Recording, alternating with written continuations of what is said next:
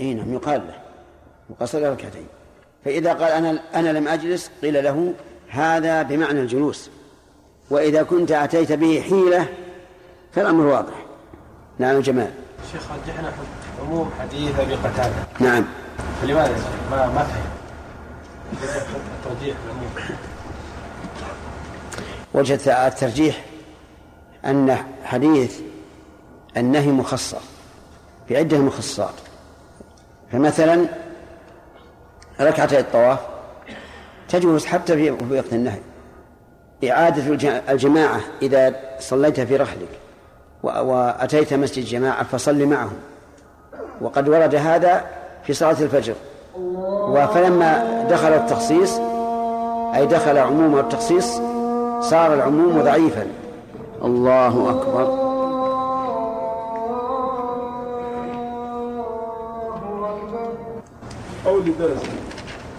هل يقضي بعد.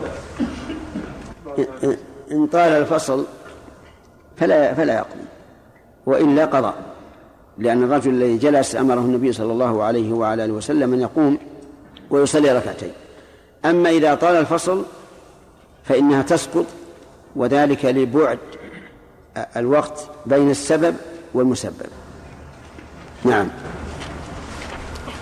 بارك الله فيكم قول الراجح في حديث أبي نعم. إذا دخل أحدكم المسجد. نعم. الوجوب أو والله الوجوب قوي الوجوب قوي. لكن أيضا التأثيم صعب. ولا شك أن الاحتياط أن الإنسان يصلي وش يضره. إن كان واجبا فقد أبرأ الذمة وإن كان غير واجب فقد زاد أجرا. سعد.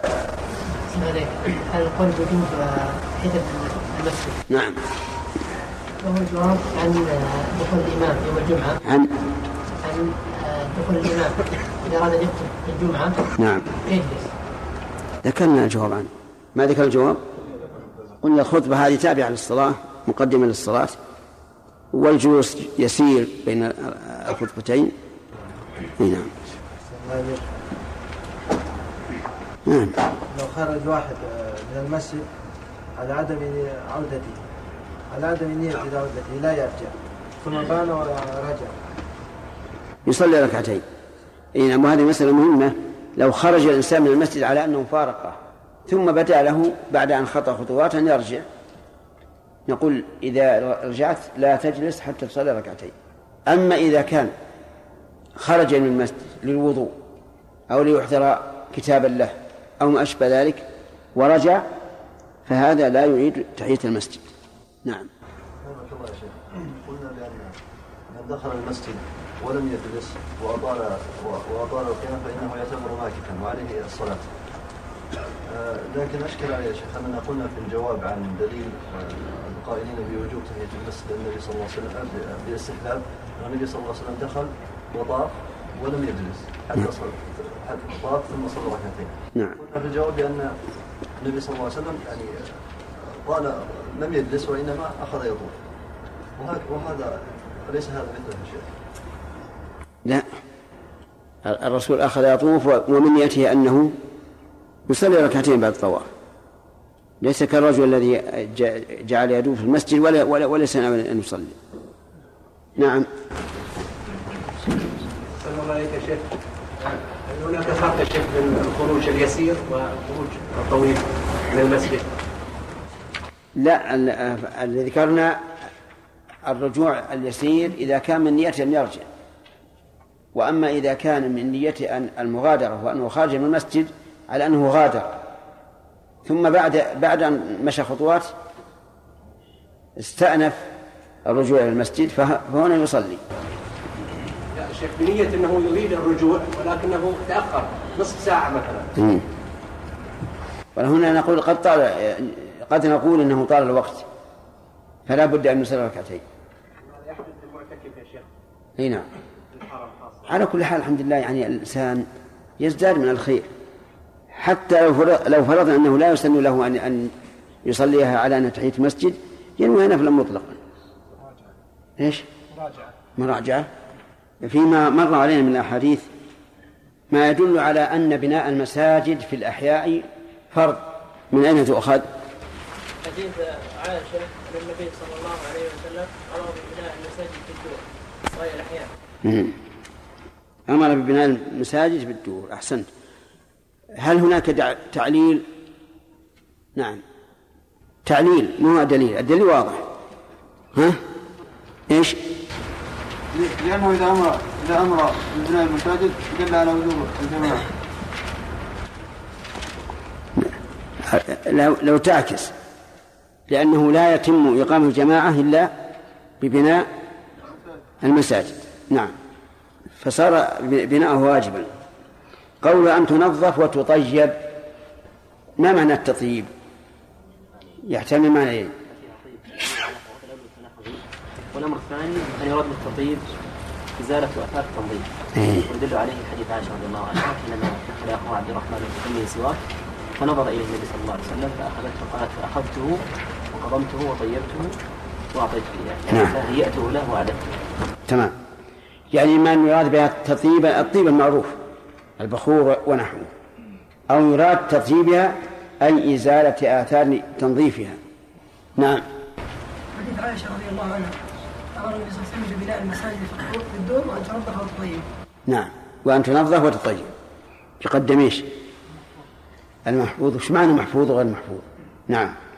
العام المحفوظ هو الذي لم يخصص. فإن خصص ضعف الدلالة على العموم. بل قال بعض العلماء إنه إذا خصص العام لم يبقى حجة أصلا على العموم لأن تخصيصه يدل على أن عمومه غير مراد. لكن الصواب أنه أي العام يبقى على عمومه فيما عدا التخصيص. طيب. يلا عبد الرحمن بن جمعة هل تحية المسجد واجبة أو غير واجبة؟ فيها خلاف.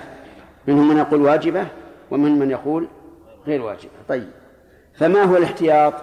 أن يصلي أو يجلس؟ الاحتياط أن يصلي. تمام. لأنه إذا صلى لم يأثم على كل الأقوال وإذا لم يصلي أثم. أخذنا صفة الصلاة. أول ما تكلمنا على باب صفة الصلاة نعم نقول لماذا احتاج العلماء رحمهم الله إلى التبويب بصفة الصلاة؟ يلا جمال. شرط شرط قبول لأن للعمل شرطين للقبول الأول الإخلاص والثاني المتابعة للنبي صلى الله عليه وسلم. نعم. والثاني متابع. وهذا لا يتأتى إلا إذا عرفنا كيف يصلي. نعم بارك الله فيك. هل ورد عن النبي صلى الله عليه وسلم أن الأمر بأن نصلي على الصفة التي صلاها؟ نعم. ها؟ قوله صلى الله عليه وسلم صلوا كما رأيتموني أصلي قوله صلوا كما رأيتموني أصلي. وهذا نص خاص. هناك نص عام وهو قول الله تبارك وتعالى فاتبعوه يعني الرسول صلى الله عليه وسلم. وقوله لقد كان لكم في رسول الله أسوة حسنة لمن كان يرجو الله واليوم الآخر. نبدأ بال- بالباب. قال عن أبي هريرة رضي الله عنه قال أن النبي صلى الله عليه وسلم قال إذا قمت إلى الصلاة فأسبغ الوضوء. حذف المؤلف أوله أول الحديث لأنه ليس له علاقة واضحة في هذا الباب ولكن ليته لم يحذف لأن, لأن فيه فوائد وهو سطر أو أو أقل يسير. وأوله أن رجلا دخل المسجد وصلى لكن دون أن يطمئن في صلاته. ثم جاء فسلم على النبي صلى الله عليه وعلى آله وسلم فرد عليه السلام قال السلام عليك قال عليك السلام. ثم قال ارجع فصلي فإنك لم تصلي. ارجع فصلي ما فيها أشكال. فإنك لم تصلي نفى أن يكون صلى مع أنه صلى بالفعل. لكن هذه صلاة غير مجزئة بل غير صحيحة. فلهذا نفى أن يكون قد صلى. وهذا نفي الوجود الشرعي أو الحسي. الشرعي قال لم تصلي فرجع الرجل. وصلى كما صلى أولا. ثم جاء فسلم مع النبي صلى الله عليه وعلى آله وسلم فقال فرد عليه السلام وقال ارجع فصلي فإنك لم تصلي. فرجع المرة الثانية وصلى كالأولى. ثم جاء فسلم فرد عليه السلام. وقال ارجع فصلي فإنك لم تصلي. ثلاث مرات. قال والذي بعثك بالحق. لا أحسن غير هذا فعلمني. سبحان الله الصحابي لا يعرف كيف يصلي ويقول هذا الأسلوب العجيب. قال والذي بعثك بالحق. ولم يقل والله يا رسول الله. قال والذي بعثك بالحق. إشارة إلى أنه سيلتزم بما قال الرسول عليه الصلاة والسلام. لأنه مبعوث بالحق. وإذا كان قد أقر بأنه مبعوث بالحق فإنه يلزم أن يطبق أو أن يعمل بما قال. والذي بعثك بالحق لا أحسن غير هذا. ولم يسكت رضي الله عنه. بل طلب العلم. فعلمني. فعلمه النبي صلى الله عليه وعلى آله وسلم وقال له إذا قمت إلى الصلاة فأسبغ الوضوء. إذا قمت أي إذا أردت القيام.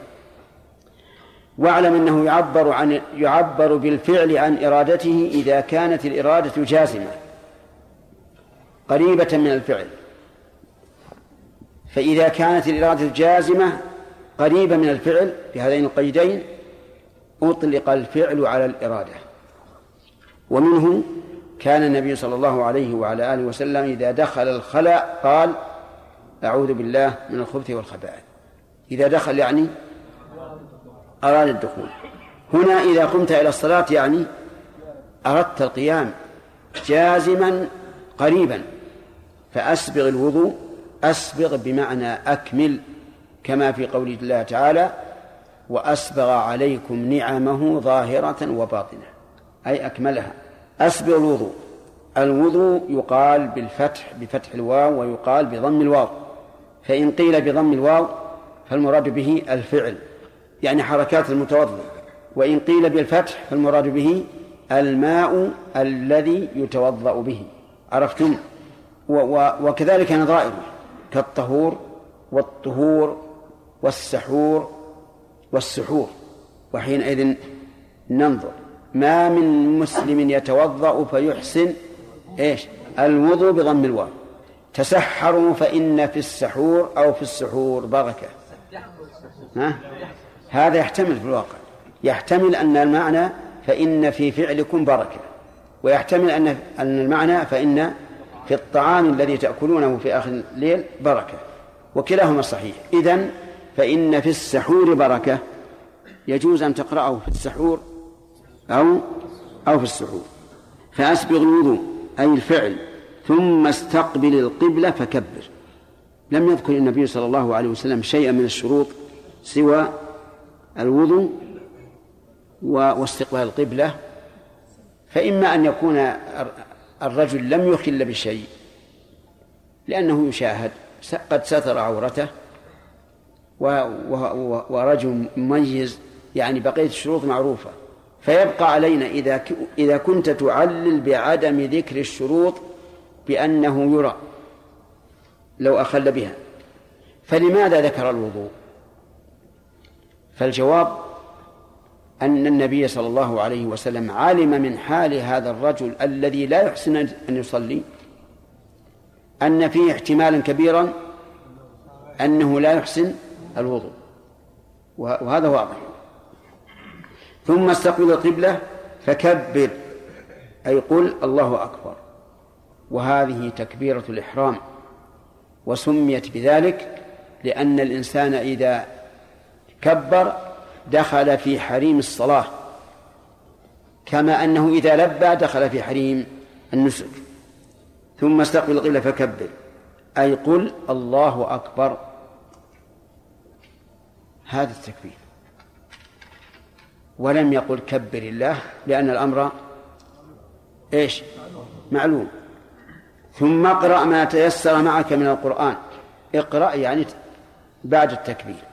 ولم يذكر النبي صلى الله عليه وسلم الاستفتاح إما رفقا بحال هذا الرجل لئلا تكثر عليه الطلبات فيضيع بعضها بعضا وإما لأنها أي لأنه أي الاستفتاح غير واجب. ولا شك أن الاستفتاح غير واجب لقول النبي صلى الله عليه وعلى آله وسلم لا صلاة لمن لم يقرأ بفاتحة الكتاب. ما تيسر معك من القرآن معك بمعنى عندك. والتيسر ضد التعسر بأن يكون الإنسان حافظا لهذا الذي يريد أن يقرأه سهلا عليه أن أن يقرأه. من القرآن أي كلام الله كلام الله عز وجل. وسمي قرآنا لأنه يقرأ ويتلى أو لأنه مجموع مجتمع بعضه إلى بعض. ومنه القرية لأنها مجتمعة بعضها إلى بعض فقرأ قرأ يقرأ قرآنا يكون من هذا من هذا الباب. ولا مانع أن نقول إنه مشتق من هذا وهذا من القراءة التي هي التلاوة ومن القراءة التي هي جمع الشيء. قوله من القرآن مصدر كالرجحان والغفران والشكران يعني أنه مصدر على وزن فعلان. فهل هو بمعنى فاعل؟ أو بمعنى مفعول. إن كان بمعنى فاعل فالمعنى أن القرآن جامع أن كلام الله تعالى جامع لأحكام شرعية عقدية اجتماعية كل شيء. ويؤيد قوله ونزلنا عليك الكتاب تبيانا لكل شيء. أو هو بمعنى مفعول أي مقروء لأن الناس إيش؟ يقرؤونه. نقول هو صالح لهذا وهذا وليس بينهما منافاة فليكن بمعنى هذا وهذا فهو قارئ أي جامع للأحكام التي تحتاجها الأمة وهو بمعنى أي مقروء أيضا فيكون بمعنى اسم الفاعل واسم المفعول. ثم اركع حتى تطمئن راكعا. الركوع هو انحناء الظهر تعظيما لمن يركع له. وسيأتي إن شاء الله بيان الواجب منه لكن هذا هو. التكبير حن الظهر تعظيما. نعم الركوع قصد الركوع حن الظهر تعظيما لمن يركع له. حتى تطمئن راكعا. يعني حتى تستقر. مأخوذ من الطمأنينة وهي الاستقرار. ثم ارفع حتى تعتدل قائما. اللفظ حتى تعتدل وفيه روايات حتى تطمئن. فيحمل هذا اللفظ حتى تعتدل على اللفظ الآخر حتى تطمئن.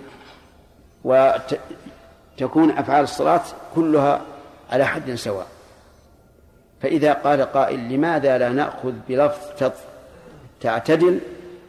لأنه أيسر. قلنا إذا أخذنا بلفظ تعتدل أهملنا لفظ تطمئن.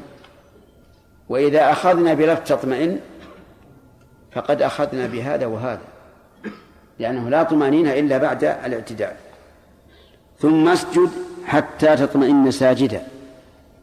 السجود هو الخروج من القيام إلى الأرض بحيث يضع الإنسان جبهته على الأرض إجلالا لله عز وجل. وقول تطمئن ساجدا كما قلنا في تطمئن راكعا. ولا يخفى عليكم أن كلمة ساجدا وراكعا منصوبان على إيش؟ على الحالية ثم ارفع حتى تطمئن جالسا جالسا أي قاعدا. ولم يبين في الحديث كيف الجلوس. ثم اسجد حتى تطمئن ساجدا السجدة الثانية. ثم افعل ذلك في صلاتك كلها. أخرجه السبعة. افعل ذلك المشار إليه التكبير أو لا؟ التكبير لا يدخل لأن التكبير للإحرام فقط. القراءة تدخل الركوع الرفع منه السجود الرفع منه السجود مرة ثانية ثم الرفع إلى القيام. وقول في صلاتك كلها يحتمل أن المعنى في كل الصلاة المعينة ويحتمل في كل الصلوات المقبلة. وأيهما أعم؟ الثاني أعم. فيكون معنى افعل هذا في جميع صلواتك. كما فعلت في الركعة الأولى افعل في الركعة الثانية وافعل في الصلاة آه، المقبلة. أخرجه السبعة. السبعة وش السبعة؟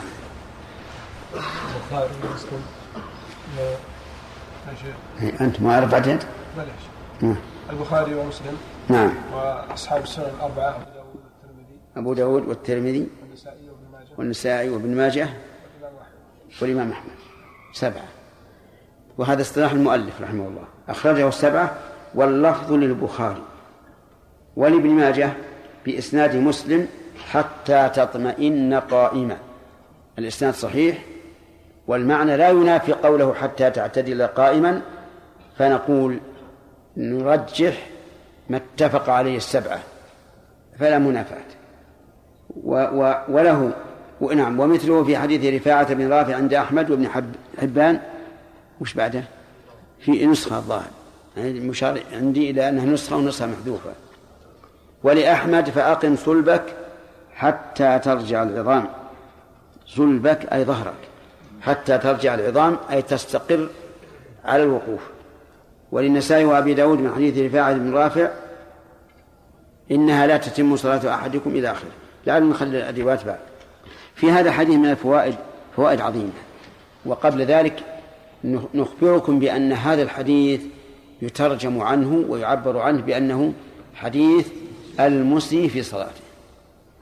حديث المسيء في صلاته. هذه العبارة إن لم ترد عن الصحابة فلا أحب أن يعبر عنها. أن يعبر بها لأن الإساءة إنما تكون في الغالب عن قصد وهذا الرجل لم يقصد لأنه ما لا يعلم غير هذا. وعليه إذا لم تثبت عن الصحابة فنقول الأولى أن يعبر فيقال حديث الجاهل في صلاته لأنه جاهل. هذا هو حقيقة الأمر. في هذا الحديث فوائد. أولا ملاحظة النبي صلى الله عليه وسلم لأصحابه. يعني ليس يجلس بين أصحابه يحدثهم ويغفل عن الناس الذين يدخلون بل يراقب عليه الصلاة والسلام. لأنه صلى الله عليه وعلى آله وسلم رسول إلى الخلق فيراقب أفعالهم ليهديهم الصراط المستقيم. ولا شك أن الرسول صلى الله عليه وسلم قد راقب هذا الرجل. ومن فوائد هذا الحديث مشروعية السلام وتكراره ولو لم يطل الفصل. وجهه أن أن النبي صلى الله عليه وسلم أقر هذا الرجل على تكرار السلام. ومنها أنه إذا سلم الإنسان ولو كرر السلام إذا كان تكراره مشروعا فإنه يرد عليه. أما إذا كان سلامه غير مشروع فهل يرد عليه أو لا؟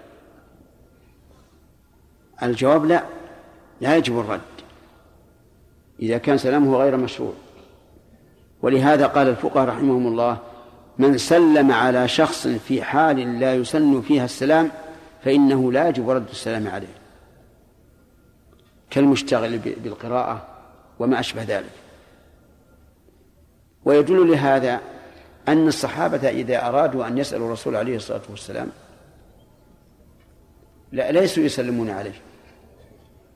ما داموا جلوسا معه ما حاجة إذا أراد أن يعطي السؤال أن يسلم. السلام للقادم أو ما كان في حكم القادم. ومن فوائد هذا الحديث جواز إقرار الإنسان على عمل فاسد من أجل إصلاح العمل لأن النبي صلى الله عليه وعلى آله وسلم أقر الرجل على الصلاة في المرة الثالثة وهو يعلم أنه لو كان عنده علم يطمئن في صلاته. لكن بشرط يعني إذا أقرناه على العمل الفاسد بشرط أن نبين الصحيح. ويدل لهذا قصة عائشة رضي الله عنها في بريرة. بريرة كانت أمة لقوم من الأنصار كاتبوها. كاتبوها يعني باعوا نفسها عليها. على نفس الأمة. على تسع أواق من الفضة. خرجت الأمة تطلب من الناس المعونة فأتت إلى عائشة. وقالت لها عائشة إن أراد أهلك أن أعدها لهم وولاؤك لي. فعلت. يعني أنقدها نقدا. ما ما هي مؤجلة؟ وتعرفون أن الكتابة لابد أن تكون مؤجلة. لكن هل عرفتم الكتابة؟ شراء العبد نفسه من سيده. ذهبت إلى أهلها وقالت لهم قالوا لا الولاء لنا. فرجعت الأمة إلى عائشة وقالت إن أهلها أبوا إلا أن يكون الولاء لهم. وكان النبي صلى الله عليه وسلم يسمع. فقال خذيها واشترطي لهم الولاء. فأخذتها واشتراطت الولاء. مع أن هذا الشرط باطل ولا صحيح؟ باطل. أبطله النبي صلى الله عليه وسلم. وإنما أقرها على هذا الباطل من أجل أن يبين إبطاله وإن شرط. وهذه مصلحة.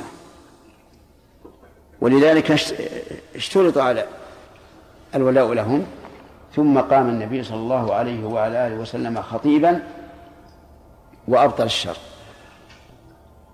أبطل الشرط فإقراره على شرطه مع أنه فاسد والشروط الفاسدة كلها حرام سواء التزمها الإنسان أم لم أم لم يلتزمها من أجل إيش؟ أن يبين أن الشرط الفاسد لا ينفذ ولو شرط إقرار النبي صلى الله عليه وعلى آله وسلم هذا الرجل على صلاة باطلة من أجل أن يبين أن من فعل الصلاة الباطلة فإنه لا تجزئه حتى يقيمها كما أمر الله. نأخذ أسئلة ولا نمشي؟ نعم. قول الرسول مستقبل القبلة مع أنه يعني ما أخطأ في استقبالها. نعم. كيف يوجه ذكره؟ مع نعم. هذا إشكال. إن شئت أن ننتظر حتى نصله. نعم. بارك الله فيك. العبد إذا اشترى نفسه أو في الكتابه لمن يكون ولاؤه؟ نعم. يقول إن العبد إذا كوتب فلمن يكون ولاؤه؟ يكون ولاؤه لمن أعتقه. بنص الحديث. إيه. لكن إذا اشترى نفسه من سيده؟ سيده باع على نفسه إذا باع على نفسه يكون له العموم إنما الولاء إنما الولاء لمن أعتق. إنما الولاء لمن أعتق. هذا عام. يكون للذي كاتبه. واختلف العلماء رحمهم الله فيما لو أعتق عبدا من الزكاة. واعتاق العبيد من الزكاة جائز. فلمن يكون ولاؤه؟ المذهب ولاؤه لمن أعتقه حتى بالزكاة. والقول الثاني أنه ليس لمن أعتقه ولكنه لأهل الزكاة لأهل الزكاة. يعني بمعنى أنه يضم إلى الزكاة التي يجبيها الإمام. ومن العلماء من يقول إنه يصرف في بيت المال وبيت المال أوسع من الزكاة. نعم يا سليم. والله عنك الناس الحين ماشيين ماشيين يا شيخ على خطة من الم- المسجد بنفس المسجد. إذا سلموا وكل بعضهم أكثر الناس اللي قام سلم يا شيخ. ما- خبرها قبل قبل يسلمون من الناس الحين يفعلونها الناس. ما أدري يا شيخ لها أثر ولا ما لها أثر؟ والله ما يعني ما له إلا العموم فقط. إن الإنسان إذا دخل مجلسا سلم وإذا انصرف سلم. أما بخصوصها لا أعلم. لا أعلم هذا. نظرك يا شيخ نظر وش؟ والله انظري أنا أنا أسلم. أنا أسلم إذا جيت ولا ولا ولا انصرفت ورأيت أيضا أيضا مشايخنا يفعلون هذا. يقول الشيخ حفظكم الله الشيخ إذا اشترط على إنسان شرط محرم وحلف على تنفيذه وشهد عليه. فإنه لا يجوز الوفاء به. لكن لمن شرط له إذا كان جاهلا وفات مقصوده أن يفسخ العقد. فهمت؟ نعم. حكم ما يفعله بعض الناس إذا وصل إلى الصف سلم وجلس وبعد انقضاء الصلاة مباشرة وبعد الأذكار سلم وصافح من بجانبه مع أنه سلم عليه قبل الصلاة. ما أرى هذا إلا إذا خاف مفسدة. إذا خاف مفسدة لا بأس. ولا ولا يسلم عليه عموما يسلم عليه جنبه. فإذا فإذا خاف مفسدة فليسلم. أو كان يريد أن يسلم ليسأله عن شيء خاص. فلا بأس. بعد بعد بعد الصلاة يطوف بعضهم على بعض يصافحون بعضا لا هذا هذا فيه عناء. فيه عناء ومشقة أي نعم. ها؟ في قصة جديدة الرسول عليه الصلاة والسلام بعد ما كان وأكل هذه هذا الشرط. هل رجع الولاء لعائشة أم؟ لا صار الولاء لعائشة لعائشة نعم. إذا كان للحديث الواحد لفظان مختلفان اللي وراء عبد الله. بارك الله فيك شيخ. ما حكم كتابة آية وقل اعملوا فسير الله عملكم في الشهادات أو في قبلة المسجد؟ ما يجوز. لا يجوز هذا. لأنه لو رآه الله فالرسول ما يراه لا يراها إذا كان للحديث الواحد لفظان مختلفان فهل يعمل بهما كليهما؟ لأن النبي صلى الله عليه وسلم إنما قال واحد مثل إيش؟ مثل الحديث اللي معنا. آه. تطمئن وتعتدل إيه. القصة واحدة لا شك. نعم. وهو إنما قال أحد اللفظين. ولا ندري ولا ندري أيهما أرجح. فحينئذ نقول نأخذ بهما جميعا. ونقول متى اطمأن فقد اعتدل. لأنه ما يمكن يطمئن بين الركوع وبين وبين القيام. لا بد يعتدل فنأخذ بما هو أحوط. نعم. هل يشكل على ما اخترناه من جواز دخول الكافر المسجد بالمصلحة والحاجة قصة عمر رضي الله عنه هذه المسألة لما قال كاتبك لا لا. لا ما لا ما لا تخاف. لأن هذا يريد أن يوليه على أمور المسلمين. ودخول الكافر المسجد ما ما في ولاية. نعم. أبو موسى قال يعني قال لا يدخل المسجد فقال له هل هو جنوب؟ قال لا ولكنه كافر. لا هذا ما يحفظ هذا ولعل عمر رضي الله عنه لاحظ يعني تشدد في هذا. لماذا احتاج العلماء رحمهم الله إلى أن يذكروا صفة الصلاة والحج و... ونحوهما؟ أي نعم. لأن العبادة يشترط فيه شرطان. الشرط الأول الإخلاص والثاني المتابعة. فلا بد من أن يعرف الإنسان. ولا تتحقق المتابعة. المتابعة إلا بمعرفة كيفية إلا بمعرفة كيفية العبادة. طيب آه هذا هذا الحديث حديث أبي هريرة له اسم عند أهل العلم يعرف به. يعرف بحديث المسيء في صلاته. يعرف بحديث المسيء في صلاته. وما هو الاسم الذي قلنا ينبغي أن يكون عليه؟ ينبغي أن يكون أن يقال لم عن الصحابة هذه التسمية أن يسمى بالجهل بصلاته. نعم. طيب. حذف المؤلف رحمه الله منه ما لا تعلق له بالصلاة على ظن المؤلف. فما هو الذي حذف منه عبد الجلال؟ حذف المسجد وصلى ثم جاء فسلم على النبي صلى الله عليه وسلم. فرد النبي صلى الله عليه وسلم السلام ثم قال ارجع فصلي فإنك لم تصل. فرجع فصلى كما كان صلى ثم جاء فسلم. فقال النبي صلى الله عليه وسلم ثم قال ارجع فصلي فإنك لم تصل. والذي بعثك بالحق ما أحسن غير هذا فعلمني طيب. هل لما حذفه تعلق بالصلاة أو لا؟ على مختصره لا تعلق له يعني ليس له تعلق بصفة الصلاة لكن له تعلق بالصلاة من جهة أن الرسول صلى الله عليه وسلم لم يأمره بقضاء ما فات منها وهو لا يصليها إلا على هذا الوجه. وهذه تتعلق بحكم قضاء الصلاة إذا فعلها الإنسان على غير وجه وجه صحيح جاهلا. لكن لما كان المؤلف رحمه الله لا يريد إلا أن يذكر الصفة فقط حذف ذلك. ما معنى قوله أسبغ الوضوء؟ أكمله وأتمه. طيب أحسنت. هل له شاهد بأن سبغ أو أسبغ بمعنى الكمال؟ من قوله تعالى وأسبغ نعمه وأسبغ عليكم نعمة ظاهرة وباطنة. نعم. له شاهد وهو قوله تعالى وأسبغ عليكم نعم وظاهرة وباطنة طيب. قوله اركع. ما معنى الركوع أحمد؟ أو ما شرحناه؟ طيب. أي نعم. طيب. بحيث يمس ركبتيه بيديه. طيب. هذه لم أذكرها لكم لكن هي آه، تذكر الآن. أن يحني ظهره بحيث يمس ركبتيه بيديه إذا كان معتدلا يعني رجل معتدلا.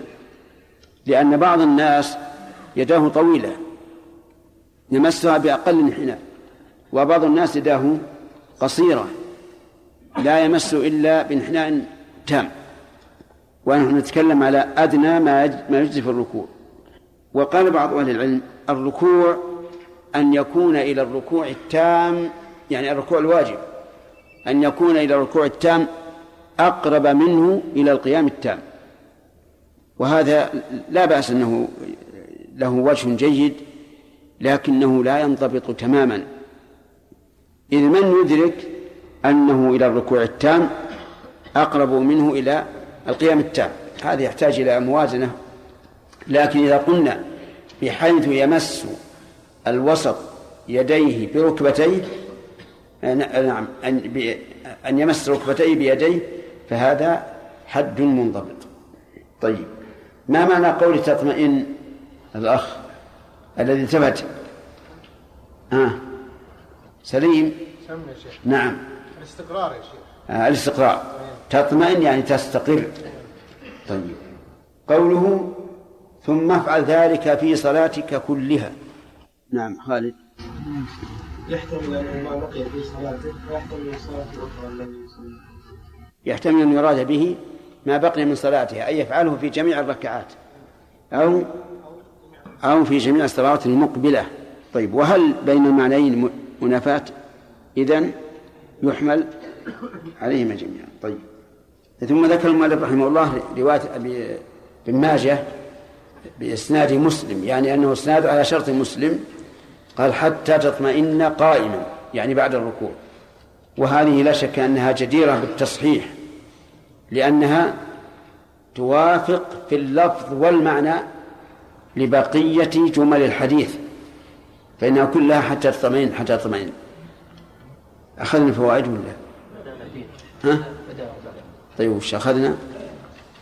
الأول الأول إيش؟ ملاحظة النبي صلى الله عليه وسلم لأصحابه ما ما قلنا بهذا اللفظ الأول كمال رعايته كمال مراقبته ورعايته لأصحابه. نعم؟ ملاحظة ومراقبة لا بأس ما ما بينهم فرق لكن أهم شيء الرعاية. ومن من فوائد الحديث أن من ترك شيئا من الواجبات جاهلا فلا إعادة عليه إلا إذا كان في وقت في وقت يطالب به. وهذه قاعدة مفيدة. فهذا الرجل لم يؤمر بالإعادة إلا فيما كان حاضرا في وقته إلا ما إلا ما كان في وقته. وعلى هذا فلو قدر أن إنسانا له سنة أو سنتان يصلي ولا يطمئن ثم جاء يسأل في في وقت الضحى مثلا هل نأمره بإعادة صلاة الفجر وما قبلها؟ الجواب لا. وهذا الحكم تشهد له أصول الشريعة. فإن الله تبارك وتعالى قال ربنا لا تؤاخذنا إن نسينا أو أخطأنا وهذا يعم جميع المحظورات كما كما هو معروف ويعم الواجبات التي جاءت السنة بعدم قضائها. ويدل لهذا أيضا أن الجاهل بالشريعة كالذي لم يبعث إليه رسول وقد قال الله تعالى وما كنا معذبين حتى نبعث رسولا وقال الله تبارك وتعالى رسلا مبشرين ومنذرين لئلا يكون للناس على الله حجة بعد الرسل. وقال تعالى وما كان ربك مهلك القرى حتى يبعث في أمها رسولا يتلو عليهم آياتنا. وما كنا مهلك القرى إلا وأهلها ظالمون. ويدل لهذا أيضا أن النبي صلى الله عليه وعلى آله وسلم لم يأمر المستحاضة التي كانت تدع الصلاة وقت استحاضتها بانية على الأصل وهو أن الأصل أن الدم حيض فلم يأمرها بالإعادة. ويدل لهذا أيضا أن النبي صلى الله عليه وعلى آله وسلم لم يأمر عمار بن ياسر رضي الله عنه حين تمرغ على الصعيد من أجل التطهر من الجنابة. وصلى في هذا ولم يأمره بالإعادة لأنه كان جاهلا وبنى على قياس ليس بصحيح بعد أن تبين الحكم بالنص. المهم أن هذه قاعدة تنفعك. ولكن هل نطلق العذر بهذا النوع من الجهل؟ أو نقول إذا لم يفرط؟ هذه مسألة في الحقيقة تحتاج إلى تحري. قد يقول قد نقول إنه إذا كان في بادية ولا يطرأ على باله وجوب هذا الشيء وليس عنده علماء وكل من حوله كلهم جهال فهذا لا نلزمه بالقضاء ليس في الصلاة فقط حتى في في الصيام مثلا. لو فرض أن امرأة بلغت بالحيض لا بالسن ولم يطرأ على بالها ولا على بال أهلها أنها تصوم حتى تتم خمس عشرة سنة وهي قد بلغت في السنة الثانية عشرة. فتركت قبل الخامسة عشرة ثلاث رمضانات فإننا لا نأمرها بالقضاء. ونقول استجدي النشاط على الطاعة في المستقبل. لكن لو كان هذا الذي جهل الأمر في مدينة العلم فيها واسع وكثير والعلماء كثيرون لكنه تهاون ولم يسأل أو قيل له اسأل فقال يا أيها الذين آمنوا لا تسألوا عن أشياء أن تبدى لكم تسوء. فهذا ليس بمعذور لأنه أمكنه العلم ونبه على هذا ولم يفعل. فالحاصل أن الجهل المطبق الذي لا يطرأ على بال الإنسان وجوب الشيء وهو في غفلة تامة لا في تغافل فهذا لا يلزم في قضاء ما فات من الواجب. فإن قال قائل هذا واضح فيما إذا كان الحق بين العبد وبين ربه. لكن إذا كان الحق تتعلق به يتعلق به حق الغير. كما لو كان لا يزكي على ماله جهلا منه بعدم آه، الزكاة. نعم جهلا منه بوجوب الزكاة. جهلا منه بوجوب الزكاة. فهل يلزمه أن يزكى لما مضى أو نقول هو على القاعدة؟ الظاهر الثاني. الظاهر الثاني. لأن حق الفقراء بالزكاة في الزكاة ليس حقا محضا بل هو حق أوجبه الله لهم. يعني ليس كالدين الذي نقول يجب على الإنسان قضاء الدين ولو طالت المدة بل هذا حق أوجبه الله لهم. ففيه شائبة أكبر من حق الله عز وجل من شائبة المخلوق. ومثل طيب هل نقول مثل ذلك لو أن شخصا ترك واجبا من واجبات الحج ولم يعلم أن أن فيه الفدية هل نقول تسقط عنه؟ الجواب لا ما تسقط عنه. وجه ذلك أن الفدية ليس لها وقت ليس لها وقت معين. فإذا لم يكن لها وقت معين فمتى ذكر أو علم وجب عليه أن يقوم بها. ومن فوائد هذا الحديث حسن فهم الصحابة رضي الله عنهم. فهذا رجل أعرابي لما أراد أن يقسم على أنه لا يعرف غير هذا عدل عن الإقسام بالله إلى الإقسام بصفة تشعر بأنه ملتزم بما يقوله النبي صلى الله عليه وعلى آله وسلم بقوله والذي بعثك بالحق. وهل نقول إنه إذا حلف على شيء فإنه يختار من أسماء الله ما يناسبه؟ نقول الجواب في هذا تفصيل. أما إذا كان الشيء يحتاج إلى ذكر المناسب فليذكره. وأما إذا كان لا يحتاج فالقسم بالله أولى. يعني بلفظ الله. ومن فوائد هذه الآية أن طلب العلم نعم من فوائد هذا الحديث أن طلب التعليم لا يدخل في السؤال المذموم. لا يدخل السؤال المذموم لأن الرجل قال علمني وليس كالمال. يعني سؤال العلم أهون بكثير من سؤال المال لأن المال النفوس مجبولة على محبته. فسؤال الغير الغير المال يكون ثقيلا عليه لكن العلم العلم ليس ثقيلا على النفوس وبذله سهل. فسؤاله ليس فيه كراهة إطلاقا بل قد نقول إنه واجب.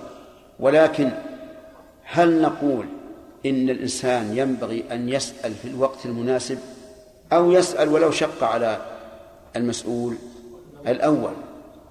أحيانا لا يناسب السؤال لا سيما إذا لم يكن ضروريا فهنا لا لا, لا تسأل.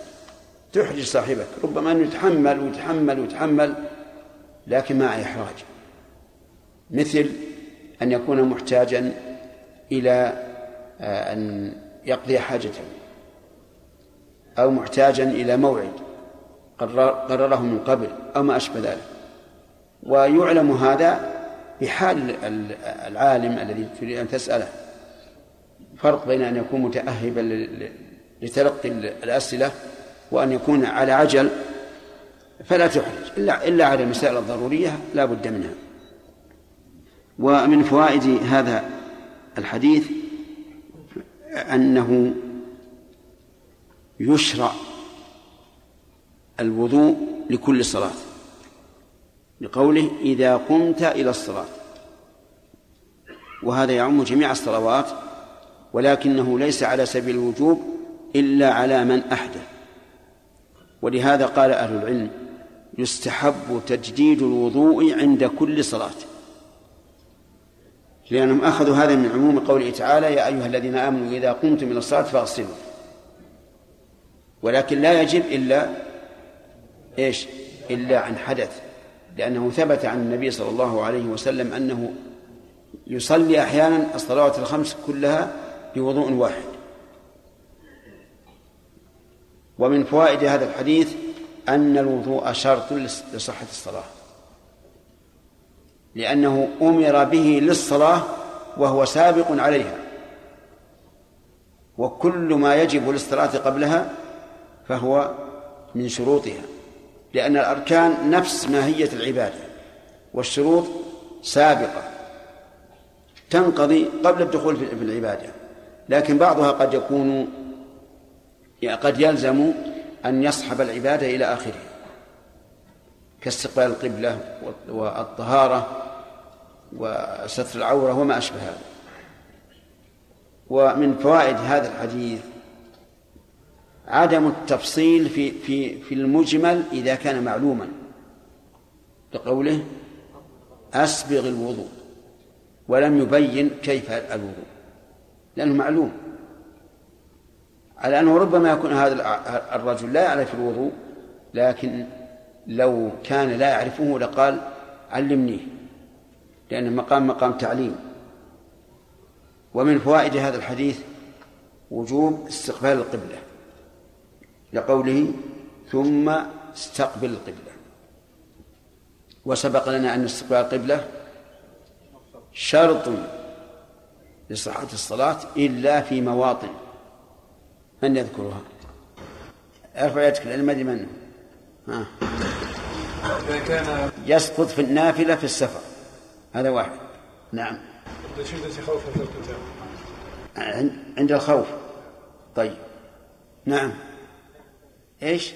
وللضرورة كأسير ربط إلى غيره. آه يعني عند العجز عند العجز. كمريض لا يمكن أن أن يوجه القبلة وأسير وما أشبه ذلك. هذه ثلاث أشياء. في شيء آخر الجهل. لا هذا يعني قصدك إذا اجتهد وأخطأ لا هذا استقبل القبلة شرعا. يعني له حكم مستقبل القبلة لكن ما ذكرناه لا يعلم أن القبلة من هنا ويتركها ثم استقبل القبلة. فك ومن فوائد هذا الحديث وجوب تكبيرة الإحرام لقوله فكبر بلفظ الله أكبر. فلو أتى بلفظ يدل عليه مثل أن يقول الله أعظم العقيل. ماذا تقول؟ لا يجزئ؟ نعم لا يجزئ. لا يجزئ إلا الله أكبر بهذا اللفظ. لو قال الله أجل أو أعظم أو أعز أو أعلم ما يكفي. ولها شروط في الواقع أظنها سبقت شروط. يشترط أن تكون بهذا اللفظ. ويشترط الترتيب بين الكلمتين. الله أكبر. فلو قلت الأكبر الله لم يجزي لأن ألفاظ الأذكار توقيفية. ويشترط أن لا يمد الهمزة لا في في الجزء الأول منها ولا في الثاني. فلو قال الله أكبر ما أجزى ولو قال الله أكبر ما أجزى لأنه يحول الجملة إلى إلى استفهام. يشترط أيضا ألا يمد الباء. فيقول الله أكبر. قال أهل العلم بأن أكبار جمع كبر كأسباب جمع سبب والكبر من أسماء الطبع. فلا يجزي. لو قال الله مدها مدا طويلا. يوجد بعض المؤذنين يمد الله اللام هذه يمدها مدا طويلا جدا. هل يجزى أو لا؟ الظاهر الإجزاء لكنه أخطأ من حيث التجويد. ومن فوائد هذا الحديث وجوب قراءة القرآن حسب ما يتيسر للإنسان. لقوله اقرأ ما تيسر معك من القرآن. وهذا الحديث مجمل لكن بينت السنة أنه يجب أن يقرأ الفاتحة. لقول النبي صلى الله عليه وسلم لا صلاة لمن لم يقرأ بفاتحة الكتاب. فإن عجز عنها قرأ ما ما يكون بقدر آياتها وكلماتها. يعني سبع آيات تكون على قدر كلمات الفاتحة أو أزيد. هذا ممكن أو غير ممكن؟ ممكن. يكون الفاتحة ما ما ما حفظها. لكن حفظ آيات من من أماكن أخرى. فإن لم يعرف شيئا فالتسبيح والتحميد والتهليل والتكبير. ومن فوائد هذا الحديث الإشارة إلى تيسير الشريعة الإسلامية لقوله ما تيسر معك من القرآن. طيب إذا قدر أنه حين دخل الوقت لم يكن يعرف الفاتحة لكن بإمكانه أن يتعلمها. فهل نقول أخر الصلاة حتى تتعلمها وتقرأ أو صلي في في أول وقت بدون قراءة؟ الأول. نعم. نقول إذا كان يمكنه أن يتعلمها قبل خروج الوقت فليفعل لأنه قدر على أن يأتي بالركن قبل خروج الوقت. أما إذا كان لا يستطيع فليصلي في أول الوقت على الحال التي يستطيعها. ومن فوائد هذا الحديث وجوب الركوع لقوله اركع وهو من الأركان من أركان الصلاة. لأن الله تعالى عبر به عن عن الصلاة. والتعبير بالجزء عن الكل يدل على أنه ركن فيه. هكذا ذكر العلماء هذه القاعدة المفيدة. التعبير بالجزء عن الكل يدل على أنه ركن فيه. وقد عبر الله بالركوع عن الصلاة في قوله تعالى واركعوا مع الراكعين وقوله يا أيها الذين آمنوا اركعوا واسجدوا ومن فوائد هذا الحديث وجوب الطمأنينة وهي الاستقرار. وهل المراد الاستقرار بقدر الذكر الواجب أو الاستقرار وإن كان أقل؟ ذلك قولان للعلماء. منهم من يقول يجب أن يستقر بقدر ما يقول سبحان ربي العظيم. ومنهم من يقول الاستقرار وإن لم يتمكن وإن لم يكن بقدر قول سبحان ربي العظيم أفهمتم؟ ولكن لو ركع آه، بأسرع مما يقول سبحان رب العظيم. وقلنا إن سبحان رب العظيم واجب في الصلاة وتركها عمدا. ها؟ إنه واجب في الصلاة وتركها عمدا. بطل الصلاة لترك الواجب. لكن إذا قلنا إنها ليست بواجبة أو نسي فصلاته صحيحة. إذا قلنا إن المراد الطمأنينة ولو أقل من الذكر الواجب. كم الفوائد؟ طيب. توافقون على هذا؟ طيب. يعني نأخذ خمس دقائق أسئلة ونكمل. نعم. نعم. نعم. إذا قال الله أكبر فلا بأس. تجزي. نعم. هذا جائز باللغة العربية. قلب الهمزة واو بعد الضم جائز باللغة العربية. نعم جمعة. شيخ أحسن الله إليكم. آه القاعدة على آه أن اللي مسيء في صلاته أو الجاهل في صلاته نعذر إذا صلى على وجه لا يصح صلاته. لا يؤمر بالإعادة. إلا يؤمر. إذا كان في الوقت يؤمر بالإعادة. إذا طال الوقت شيخ لا إذا إذا خرج الوقت ما يؤمر. وكذلك تارك الصلاة شيخ كافر على القول الصحيح. هذا هذا صلي. إيه يصلي لكن على وجه لا يصح. ما أدري أنه ما يصح. شيخ على هذا القاعدة السؤال هل إذا عندنا في بعض الأماكن في بعض البلاد آه، يوظفون في المنظمات الدعوة يوظفون بعض الصوفية. فيدعون غير المسلمين إلى الإسلام. ثم يدخلونهم في الإسلام لكن على طريقة غير صحيحة. ثم كيف؟ يدخلونهم في بعض آه، الطرق. يقولون مثلا يدخلون واحد في, في الإسلام لكن الإسلام عندهم تربية. فيدخلونه في أماكن يقولون أنت ترى الله. ترى الله؟ إيه. يعني بعد 14 يوم أو كذا أنت ترى الله. فإذا رأيت الله فتكون كذا وكذا. ورأينا بعضهم يموتون على هذا لأنهم لا يؤتونهم التعامل بشرار الكافر لكن هل هل يعلم هذا العامي أن هناك حقا سوى هذا؟ لا ما يعرف هو جديد في الإسلام. هذا هذا لا يؤمر بقضاء الصلاة لأنه مغرور. إسلام الشيخ أحسن الله إسلام صحيح إسلام صحيح يعامل معاملة المسلم لأنه جاهل المسكين.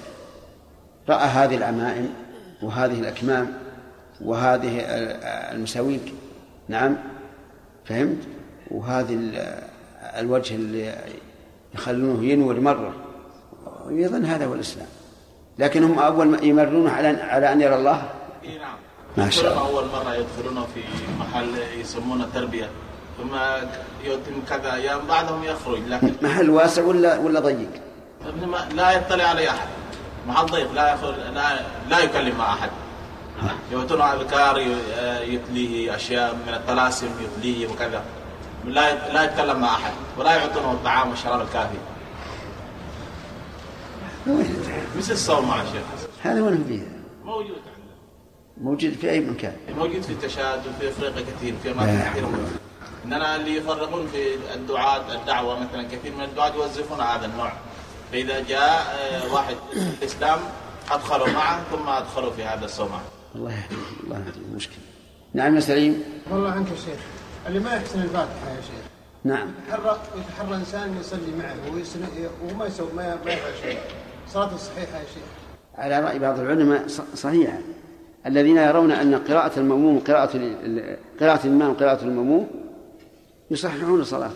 هو يجب عليه انه يتعلم بنفس بنفس الوقت ولا نعم يجب في نفس الوقت إذا أمكن. فإن ضاق الوقت صلى وإن لم يقرأ. نعم. الفاتحة إيش؟ لماذا أن الرسول صلى الله عليه وسلم لم يذكر الفاتحة في هذا الحديث؟ نعم. خاف أن يشق عليه قال اقرأ ما تيسر معك من القرآن. فخاف أن يشق.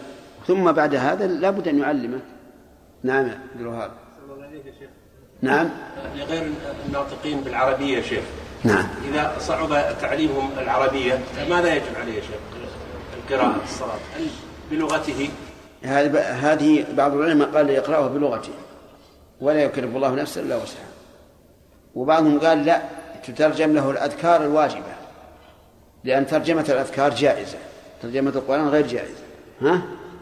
ماذا يعني يجزئه في هذا الحال؟ يعني؟ يجزئ سبحان الله والحمد لله ولا إله إلا الله والله أكبر تترجم له ويقرأها في لغته نعم يا سمير. نعم إيش؟ متى يكون نطق الامام بالتكبير إذا انتقل من ركن إلى اخر؟ إيه. يكون بين ال- الانتقالين يعني بين ال- الركن الذي انتقل منه والركن الذي. الذي انتقل إليه ها؟ إيه. يمدها لا- يمدها ليش يمدها؟ ال- المذهب عندنا لابد أن يكون التكبير بين الركنين فإن بدأ بالتكبير قبل لم يصح وإن كمله بعد لم يصح. لكن هذا لا شك أنه قول فيه حرج على المسلمين. والراجح أنه إذا بدأه قبل وكمله بعد أن شرع في الانتقال فلا بأس. وكذلك لو بدأ به في حال الانتقال وكمله بعد الوصول إلى الركن الثاني فلا بأس. وع- وعليه عمل الناس. لكن المشكل أن بعض الأئمة يجتهد اجتهادا خاطئا.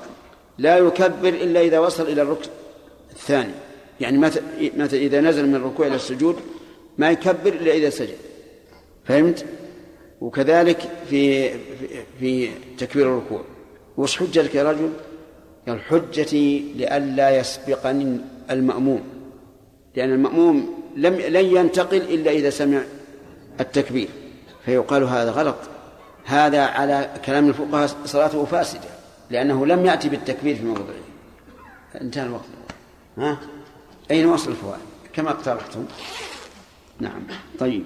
آه قلنا أنه يجب الركوع وأنه حد الواجب إيش؟ أن يتمكن من مس ركبتيه بيديه. وصلنا إلى هذا؟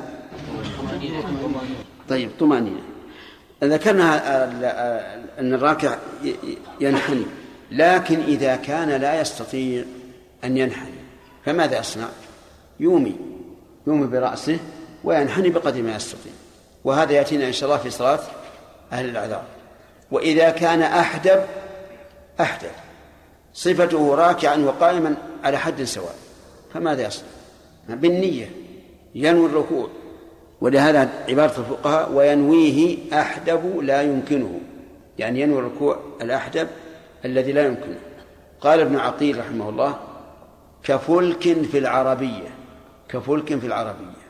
وش معناه؟ أن فلك تصلح للمفرد وال- والجمع. فتقال في المفرد وتقال في الجمع. قال الله تبارك وتعالى أ... نعم. ألم ترى أن الله يولج الليل في النهار؟ نعم. والفلك التي تجري في البحر. والفلك التي تجري في البحر. هذه وش؟ مفرد ولا جمع؟ لا الفلك التي تجري تجري. ليش؟ مفرد يا أخوان. تجري للمفرد وقول حتى إذا كنتم في الفلك وجرين بهم هذه جمع. ولا شك أن يعني التشبيه هذا ما هو قاله على سبيل التقريب ولا ما يشبه الفقه بالنحو.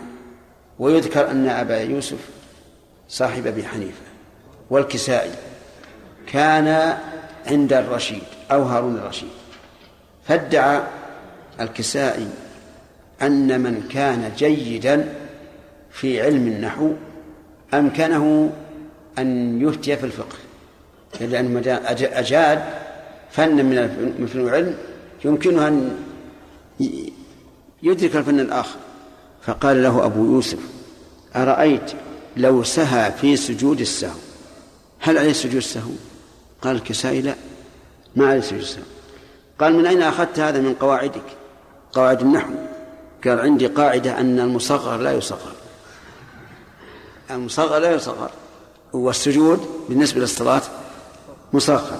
هذه ذكرت في حاشية الروي المربع والله أعلم بصحتها. طيب نرجع إلى كلامنا. إذا كان الإنسان لا يمكنه الركوع لكن يمكنه القيام فماذا يصنع؟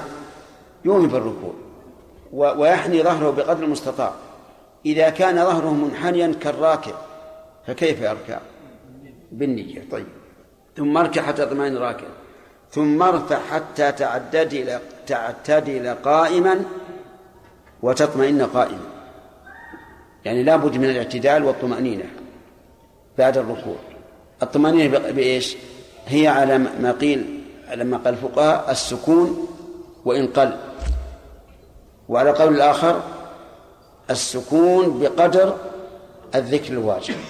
ومعلوم أن القيام بعد الركوع ليس فيه ذكر واجب إلا قول ربنا ولك الحمد للإمام والمنفرد. أما المأموم فإنه يقول ربنا ولك الحمد في حال نهوضه من الركوع. ثم اسجد حتى تطمئن ساجدا.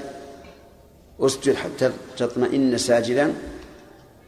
ولم يبين في هذا الحديث كيف السجود ولا على أي عضو يسجد يسجد ولكن قد جاءت به السنة في مواضع أخرى.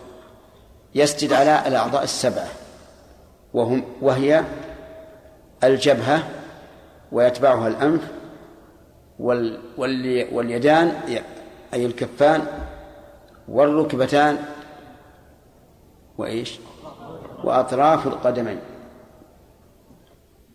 ويقال في حتى تطمئن ساجدا ما قيل في حتى تطمئن راكعا ثم نعم من فوائد هذا الحديث أيضا وجوب الرفع من السجود والجلوس بين السجدتين لقوله ثم ارفع حتى تطمئن جالسا أفهمت؟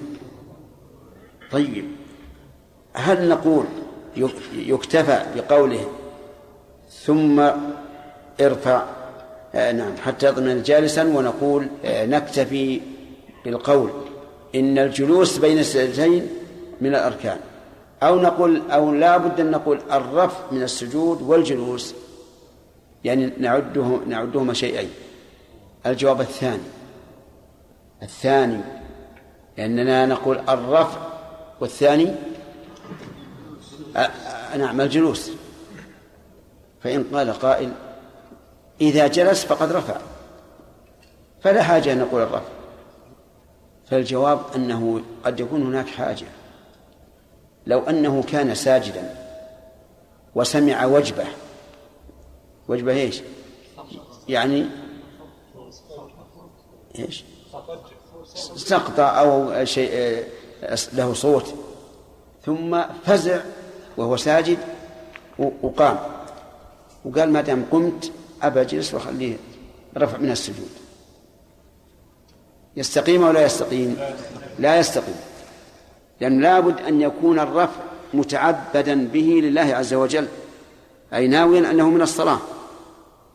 وهذا ما نوى. هذا هو السر أن بعض أهل العلم قال الرفع من السجود والجلوس بين السجدين. وإن كان بعضهم قال يغني عن قولنا الرفع من السجود قول الجلوس بين السجدين طيب.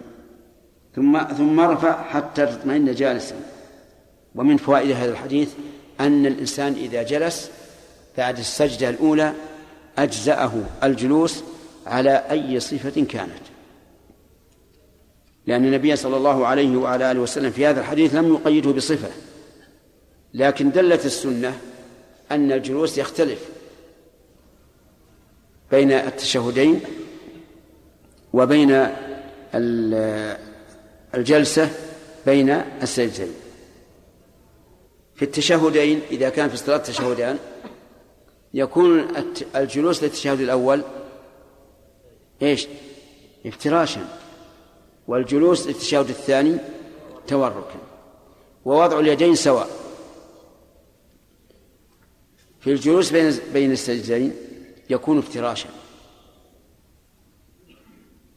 ويكون إقعاء على بعض آه، نعم على قول بعض العلماء.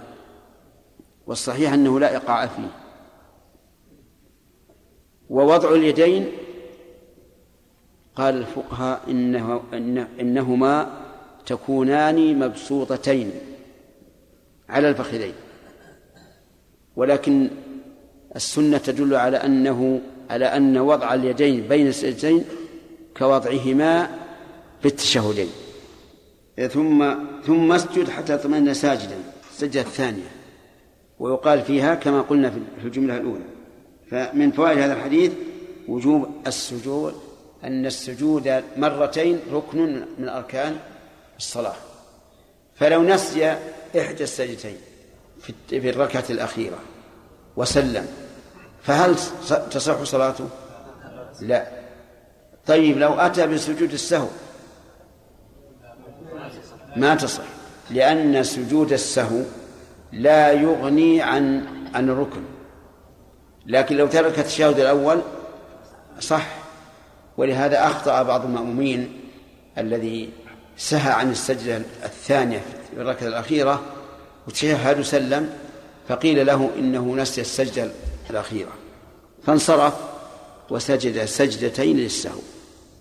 فخطب بعض المؤمنين قال ما سجدنا إلا مرة واحدة.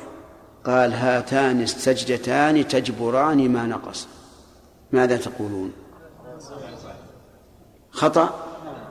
وجهله نوعه؟ مركب. فالسجدتان لا تجزيان عن الأركان ولهذا لم يكتب النبي صلى الله, صلى الله عليه وسلم بهما حين سلم قبل أن يتم. طيب يقول من فوائد هذا الحديث جواز الإحالة على المعلوم لقوله ثم افعل ذلك في صلاتك كلها. وقد جاء تعليم النبي صلى الله عليه وسلم على هذا الوجه فإن عمر رضي الله عنه لما سأل النبي صلى الله عليه وسلم عن الكلالة قال له ألم تكفك آية الصيف؟ فأحاله على آخر سورة النساء. فإنها صريحة في تبيين معنى الكلالة. فالإحالة لا بأس بها في مسائل العلم لكن بشرط أن تكون معلومة. أما إذا أحال على شيء قد يخفى فيقول مثلا الحكم كذلك بشرط. هذا ما ما يغني. حتى يعرف تعرف المسألة المحال عليها. وأما مع الجهالة فلا, فلا يجوز. انتهى الكلام على الفوائد فيما نعلم الآن. نعم.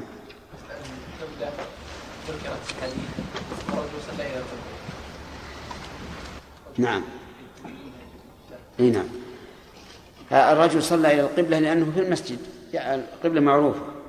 لكن هناك في في مكان قد يتهاون في الصلاة إلى القبلة أو يلتبس عليه بعض الأدلة مثل فاذا تولوا فتم وجه الله فأراد الرسول صلى الله عليه وسلم أن يبين له. وإلا فالظاهر أنه حين صلى صلى إلى القبلة. ما أظن أنه صلى إلى غير القبلة. نعم. الآيات اللي استدلنا بها في قوله تعالى وما كنا معجبين حتى نبعث رسولا وغيرها هل فيها دليل لمن يقول إن إنهم لا يعذبون؟ إنهم لا يعذبون إلا إلا من من علمناه بالنص. وإلا هؤلاء فإن يمتحنهم الله عز وجل يوم القيامة بما الله به عليم. فإن أجابوا وامتثلوا دخلوا الجنة وإلا فلا. هذا هو الصحيح في أهل الفترة نعم. هل يشار بالسبابة إي نعم.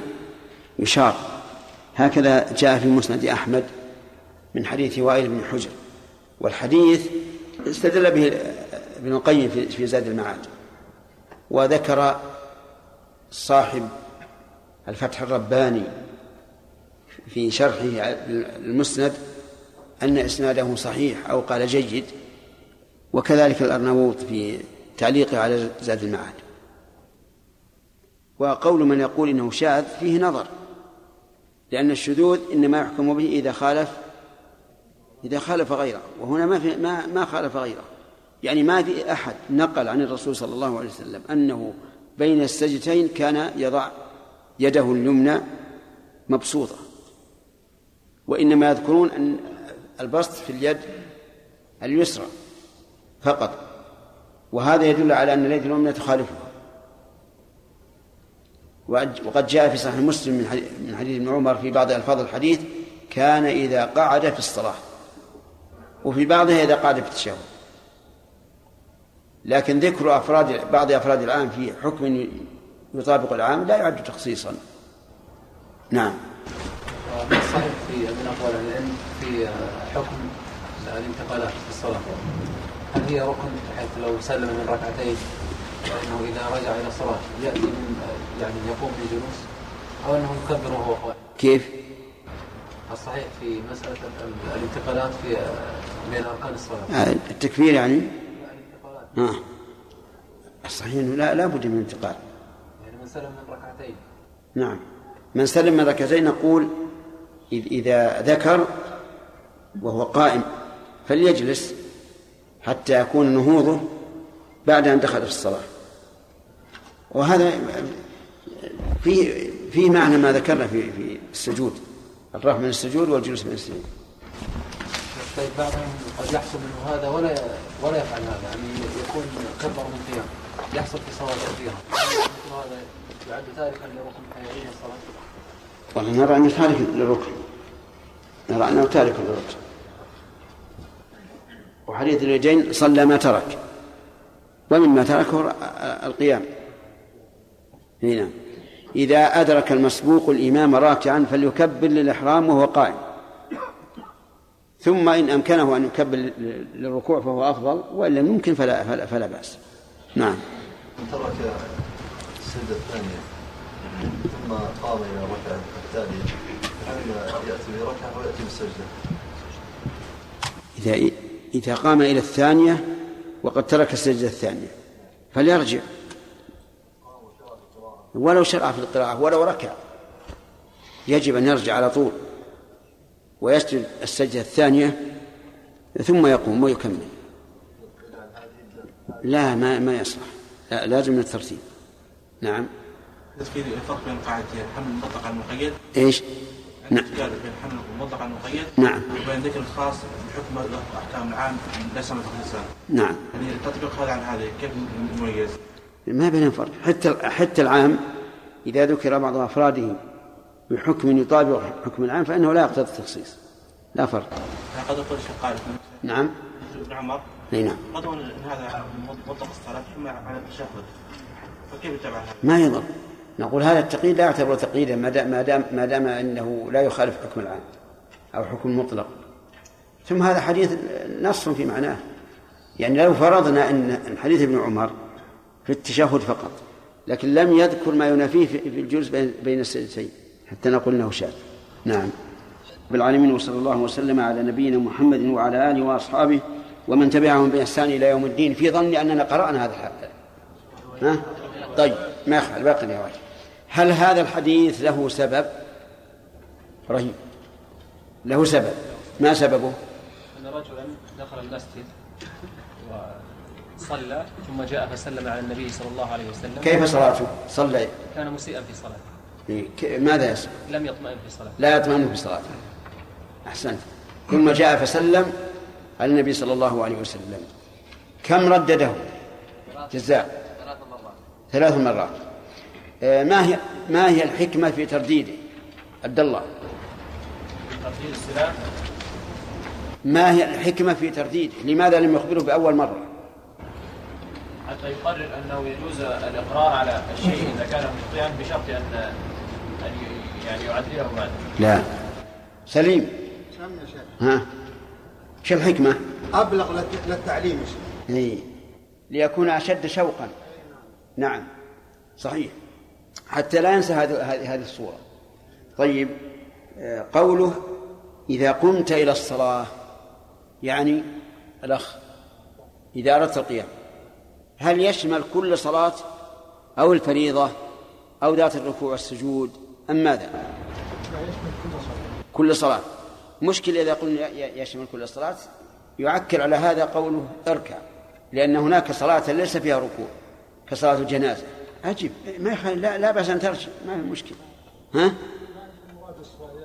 السؤال هل قوله إذا قمت إلى الصلاة يشمل كل صلاة بما في ذلك صلاة الجنازة؟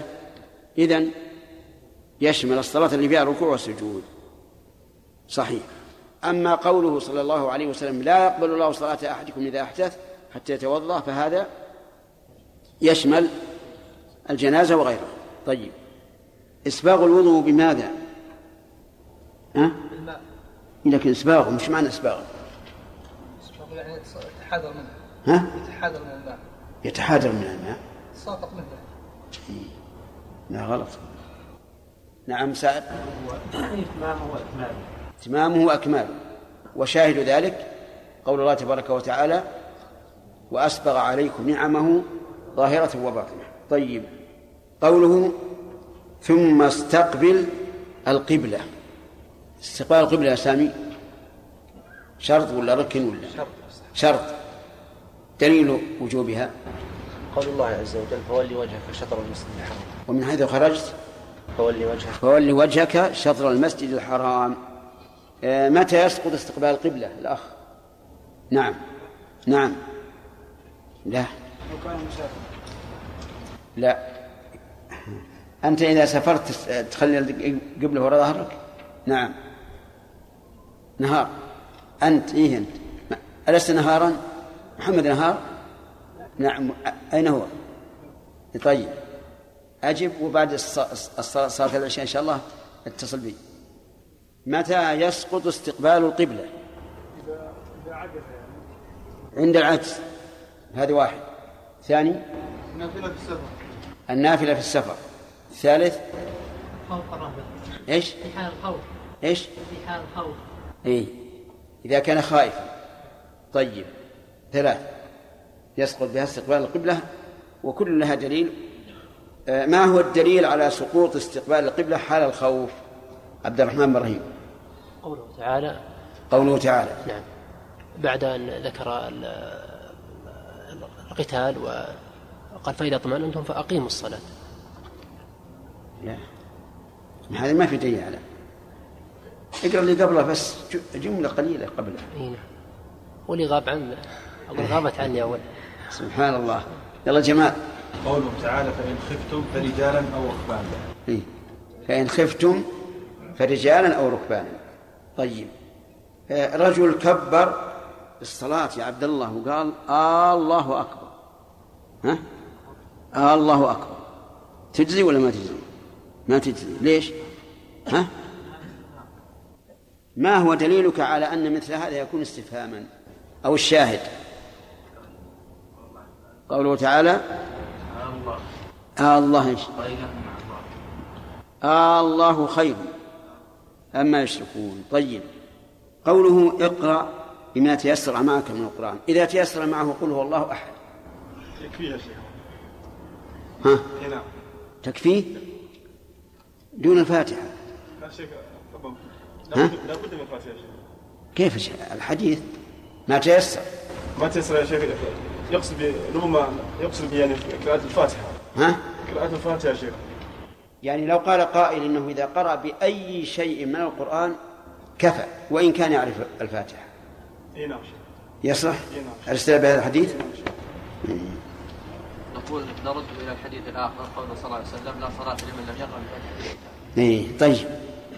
ويكون هذا المجمل ما تيسر محمولا على المفصل. طيب. على أن الغالب الغالب في بلاد المسلمين أن المتيسر قراءة الفاتحة. هذا الغالب. ولهذا استحب العلماء رحمهم الله أن الإنسان يقرأ في الصلاة الجهرية بالمفصل.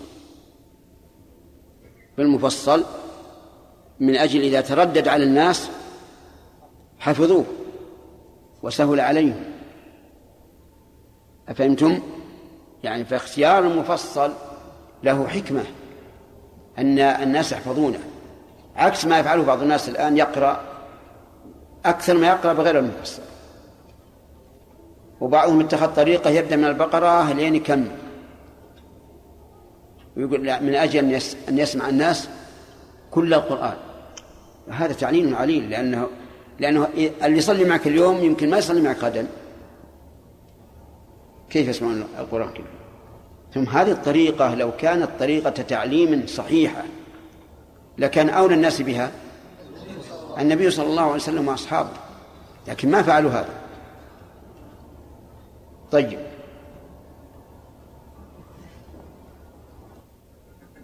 ما هو حد الركوع الواجب؟ حبيب.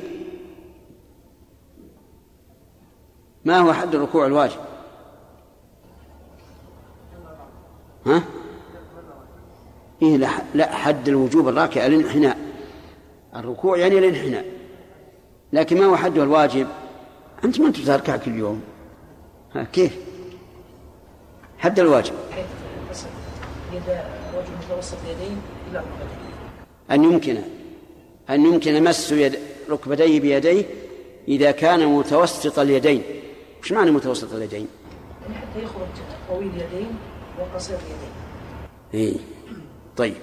صحيح هذا حده أكثر أهل العلم وبعضهم قال أن يكون إلى الركوع التام أقرب منه إلى القيام التام. طيب. أه، ما هي الطمأنينة يا فراس؟ وش الطمأنينة؟ تطمئن. بقدر ما يأتي بتسبيحة واحدة كان في ركوع أو سجود أو قل يعني الاستقرار بقدر الذكر الواجب. هذه الطمأنينة. أسمعهم هذا؟ يقول الطمأنينة الواجبة أدناها أن يتمكن من الإتيان بالواجب. فمثلا في الركوع يتمكن من أن يقول سبحان ربي العظيم في السجود أن يتمكن من أن يقول سبحان ربي الأعلى وما أشبه ذلك. وقيل أن الطمأنينة الاستقرار وإن قل يعني حتى وإن لم يتمكن. وينبني على هذا لو أن الإنسان ركع وعلى طول نهض نسي أن يقول سبحان ربي العظيم. فصلاته صحيحة وعليه سجود السهو لترك الواجب.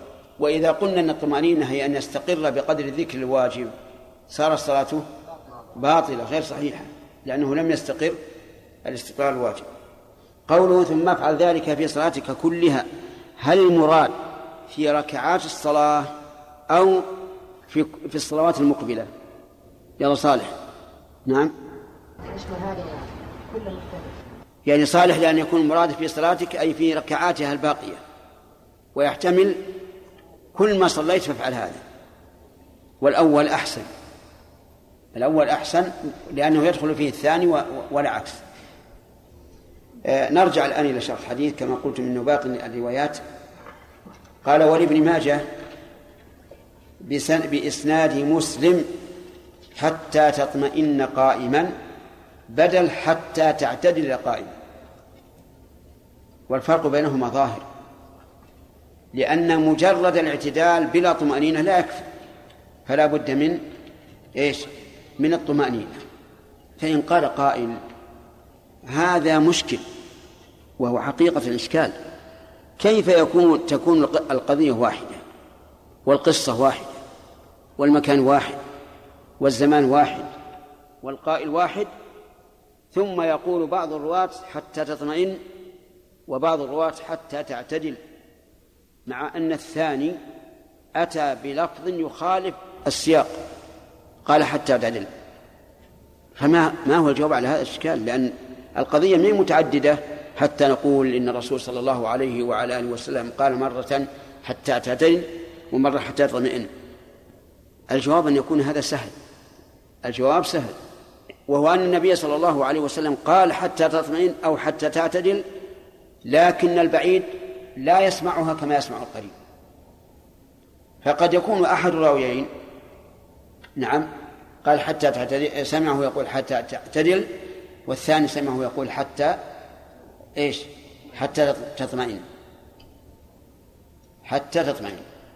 فإن قال قائل هذا مقبول إذا كان الصحابي واحدا. نعم لا أقصد إذا كان الصحابي اثنين فأكثر. هذا مقبول. لكن إذا كان الصحابي واحدا. نقول الصحابي من روى عنه؟ عدد كثير. فسمعه أحد الرواة يقول حتى تعتدل وآخر يقول حتى تطمئن. وإنما قلنا ذلك لأن من قال حتى تطمئن فقد أتى بمعنى حتى تعتدل وإيش؟ وزيادة.